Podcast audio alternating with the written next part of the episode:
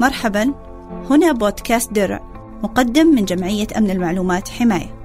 موجه لغير المتخصصين والمهتمين بأمنهم على الفضاء السبراني. يتحدث عن أمور تقنية مختلفة. هذا البودكاست بالتعاون مع الشريك الإعلامي شركة تأثير للإنتاج الإعلامي.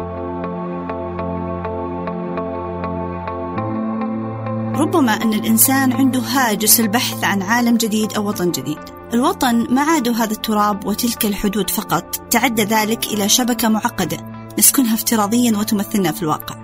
لا يوجد أحد منا بدون حسابات على وسائل التواصل الاجتماعي من الكبير للصغير. صرنا مواطنين على الشبكة نبيع ونشتري ونقضي أغراضنا عليها. ممكن تكونت على هذا الوطن رقابات أمنية وقانونية تطورت إلى مصطلح جديد يسمى بالمواطنة الرقمية. هذا المصطلح يحتاج إلى تفسير وفهم لأهميته. لذلك حملت وزارة الاتصالات وتقنية المعلومات على عاتقها تمكين المواطنة الرقمية ونشر الوعي عنها. يشرفنا في درع سعادة المهندس فارس الصقعبي الوكيل المساعد لوزارة الاتصالات وتقنية المعلومات للقدرات الرقمية والمحتوى. حياك الله مهندس فارس. سعداء في درع لاستضافتك وألف مبروك تحقيق الإنجاز العالمي الرقمي لمبادرة العطاء الرقمي. الله يحييك أخت مرام وسعيد وفخور بتواجدي معكم اليوم ودائما آه، تبهرنا آه، جمعية حماية بما تقدم مبادرات آه، للمجتمع مثل بودكاست درع وأشكر لك تهنئتك على الإنجاز اللي حققته مبادرة العطاء الرقمي وهو حقيقة إنجاز يسطر للوطن جميعا ويسطر لكل تقني مبدع في في القطاع وما كان ليتم لولا وجود دعم آه، آه، لا محدود من القيادة لهذا القطاع المهم والتحول الرقمي اللي نعيشه في المملكة في ظل رؤية آه، المملكة 2030. نبغى نفهم أكثر ما هي المواطنة الرقمية؟ في ظل التسارع التقني الموجود في في العالم والتسارع اليومي للتقنيات وخلق المحتوى آه، الحقيقة المحتوى الرقمي في المملكة تشارك فيه عدة آه، جهات آه، في المملكة مسؤولة عنه ممثلة بوزارة الإعلام وهيئة الإعلام المرئي والمسموع وعدد من الجهات المعنية.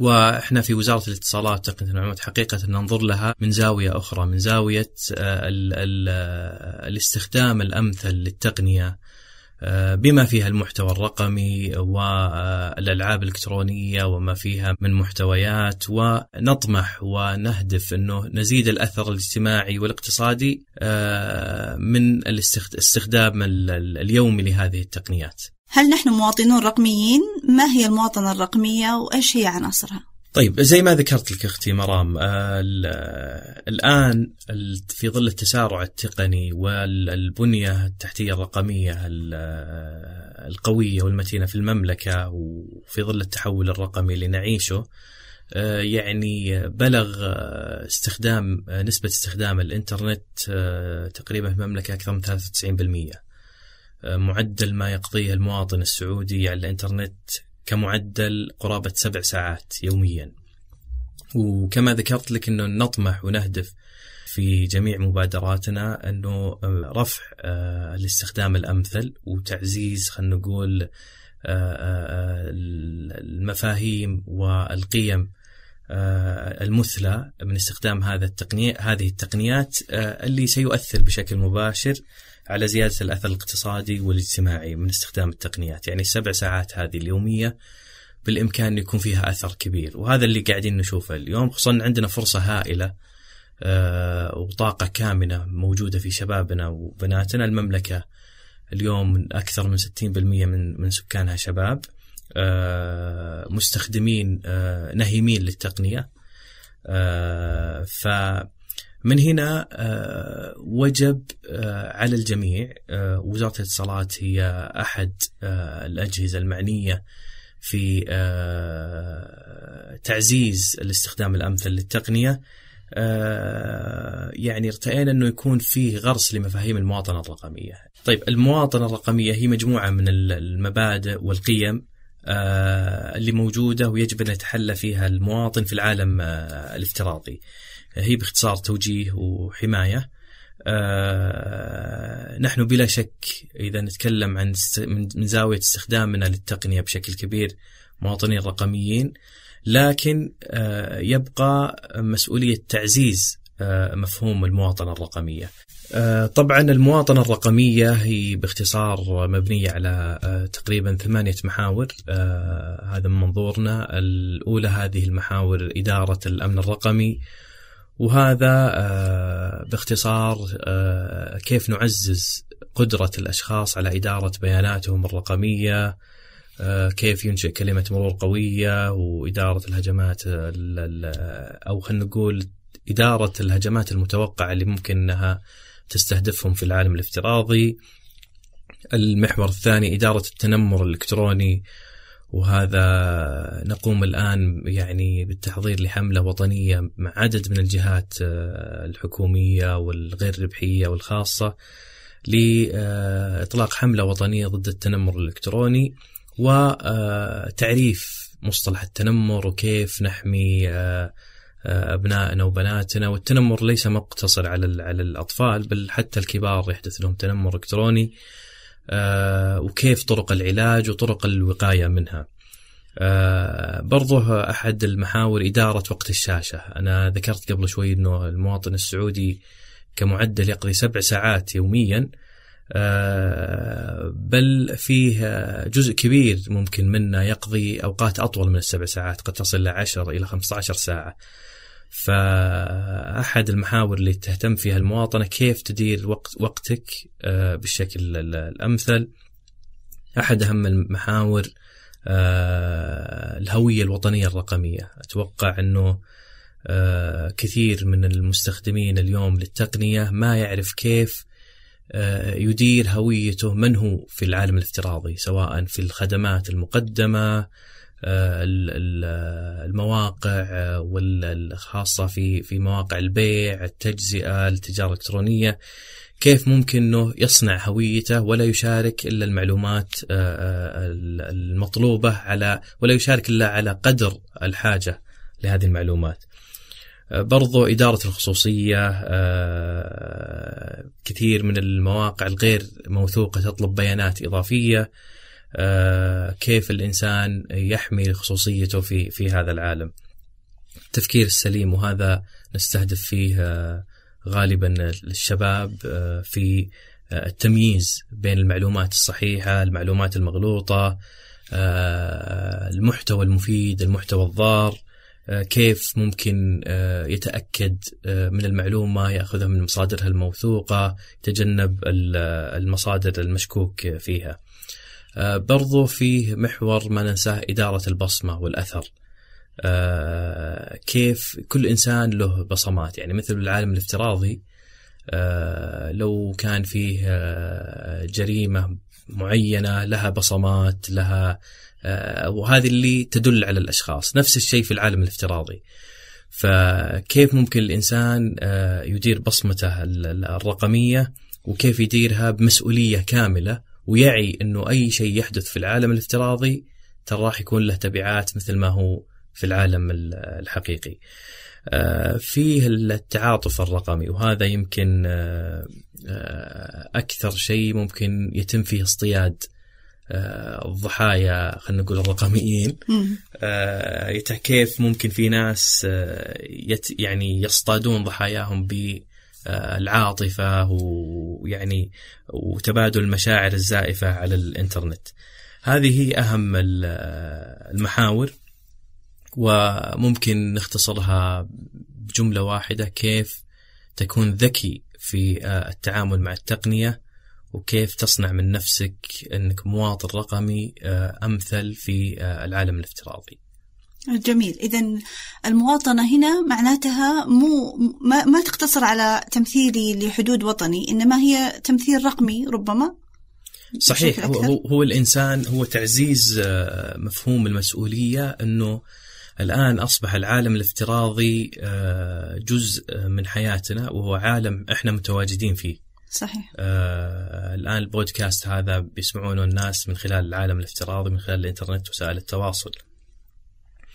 فأكيد الإنسان يمثل نفسه أولا وكذلك يمثل وطنه ويعكس آه، كيف آه، المفاهيم والقيم والمبادئ المواطن السعودي في العالم الافتراضي. جميل.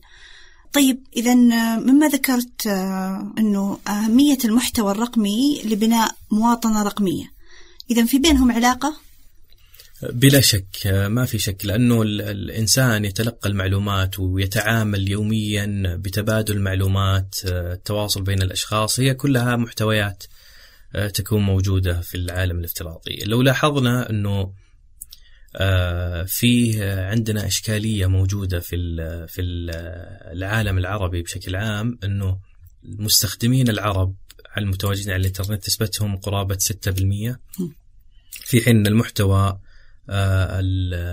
العربي يمثل قرابة 0.06 يعني من 100 أقل من 1% يعني لا شيء يعتبر. لا شيء. في حين أنه فيه آه، متحدثي لغات مختلفة مثل الألمانية البرتغالية آه، نسبة تواجدهم آه، ونسبة استخدام المستخدمين منهم أقل إلا أن محتواهم أعلى.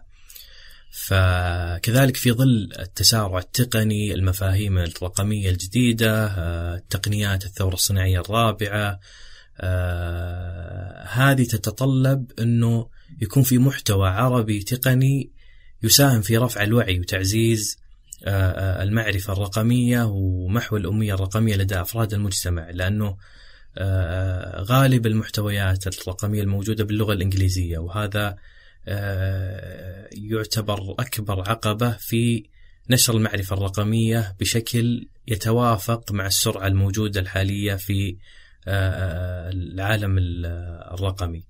فبلا شك أنه المحتوى الرقمي والمحتوى المعرفي آه، شيء مهم. لذلك آه، آه، دعمت الوزارة وباركت إطلاق مبادرة العطاء الرقمي وهي المبادرة اللي حازت على جائزة القمة المعلوماتية الأخيرة من الاتحاد الدولي للاتصالات وهي فكرتها أنها انطلقت من المملكة قلب العالم العربي والإسلامي وهي تستهدف كل من يتحدث اللغة العربية على مستوى العالم. هدفها محو الأمية الرقمية إثراء المحتوى الرقمي العربي تعزيز آه، آه، الاستخدام الأمثل للتقنية آه، خدمة القطاع غير الربحي نشر المفاهيم السليمة من خلال المتطوعين والمتخصصين الموجودين في المبادرة. اليوم الحمد لله وصلنا إلى أكثر من 131 ألف متطوع. آه، المبادرة آه، لامست الآن أكثر من 12 مليون مستفيد من من خدمات المبادرة. فبلا شك أنه آه، وجود مبادرات أو خلينا نقول مصادر ومنصات للمحتوى المعرفي الصحيح هذا بيساهم بلا شك لتعزيز مفاهيم المواطن الرقمية. أنا أشوف أنه في علاقة طردية بين المحتوى العربي لأنه قليل وبين إنتاج التقنية عربيا. فهل, فهل, فهل هذه العلاقة صحيحة ولا؟ لا هي في ترابط آه، بشكل آه، مباشر بعض آه، المحتويات وفي ترابط بشكل غير مباشر. يعني الإنتاج العربي للتقنية سواء إذا نتكلم عن منتجات أو حتى حلول رقمية بشكل كبير قد يكون يساهم بشكل غير مباشر. لكن المساهمة المباشرة تأتي من المحتويات اليومية اللي تخلق في العالم الافتراضي سواء كانت من آه، فيديوهات أو حتى محتويات موجودة على وسائل التواصل. فهو فيه ارتباط يختلف من زاوية إلى أخرى سواء كان ارتباط مباشر أو غير مباشر. إذا المواطنة الرقمية لم تعد رفاهية هي من واجبات المواطنة الفاعلة. ما قيمة الترابط بينها؟ أو هل هل هي جزء من من واجباتي كمواطنة؟ هو بلا شك زي ما ذكرت لك أختي مرام أنه المواطنة اليوم أصبحت ليست رفاهية. آه، أصبحت واجبة يعني على كل فرد فينا أنه كيف يمثل نفسه. آه، ويعكس أخلاقه كأول شيء آه، مسلم ثم كمواطن عربي سعودي. إنه مثل ما يج كيف يجب إنك تمثل نفسك في العالم الحقيقي تنعكس كذلك في العالم الافتراضي.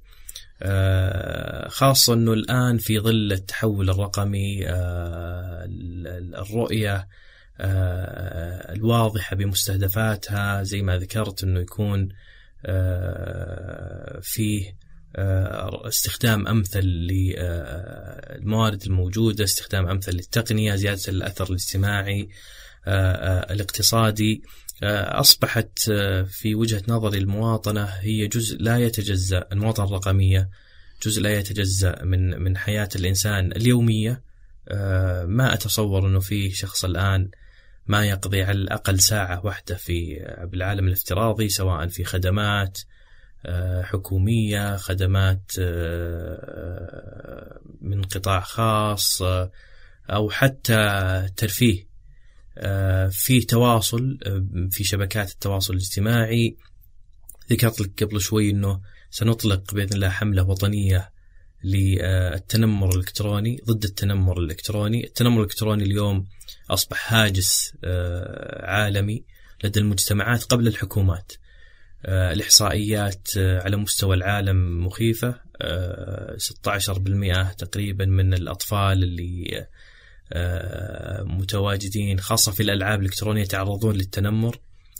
كثير من آبائهم ما يعرفون أن أبنائهم أو أطفالهم يتعرضون للتنمر. المتنمرين في العالم الافتراضي بازدياد. طرق العلاج عند كثير من الناس والوقاية منها كذلك غير واضحة. فبلا شك إن المواطنه الرقميه اليوم أصبحت واجب وتعزيز مفهومها هو الهدف الاسمى اللي أتوقع يسعى له كل فرد موجود في في القطاع التقني من قريب أو من بعيد. شكرا يعطيك العافية مهندس فارس. أثريتنا اليوم في الحلقة. ما ودنا صراحة نطول عليك أكثر. بس نحتاج منك كلمة أخيرة إذا ممكن حول هذه المواطنة الرقمية إذا كانت توصية لنا كمستخدمين. والله أول شيء أنا يعني أختم بما بدأت به. أنا أشكر صراحة جمعية حماية وكل الجمعيات التقنية وكل المجموعات التطوعية في في المجتمعات التقنية. السعودية وكذلك العربية. الدور اللي يقومون فيه والدور اللي تقومون فيه بشكل خاص كجمعية حماية والمبادرات اللي نراها على أرض الواقع هي بلا شك تثري وتساهم في الأهداف الاستراتيجية اللي تسعى لها الوزارة. وبلا شك أننا ممكنين وداعمين لكم بما تقومون فيه. الجهود اللي يقومون فيها المتطوعين في مبادرة العطاء الرقمي من تصحيح للمفاهيم رفع الوعي نشر المعرفة الرقمية محو الأمية الرقمية تعزيز المفاهيم الصحيحة للتقنية. هذا بلا شك هو الكنز الحقيقي وهو النموذج المستدام اللي تسعى الوزارة لترسيته ودعمه وتمكينه. فأنا أقول الله يعطيكم ألف عافية وبيض الله وجيهكم و... وسعيد بتواجدي معكم اليوم وإن شاء الله نلتقي في برامج ومبادرات أخرى بإذن الله. إن شاء الله. شكرا. ألف شكر. الله يعطيكم العافية.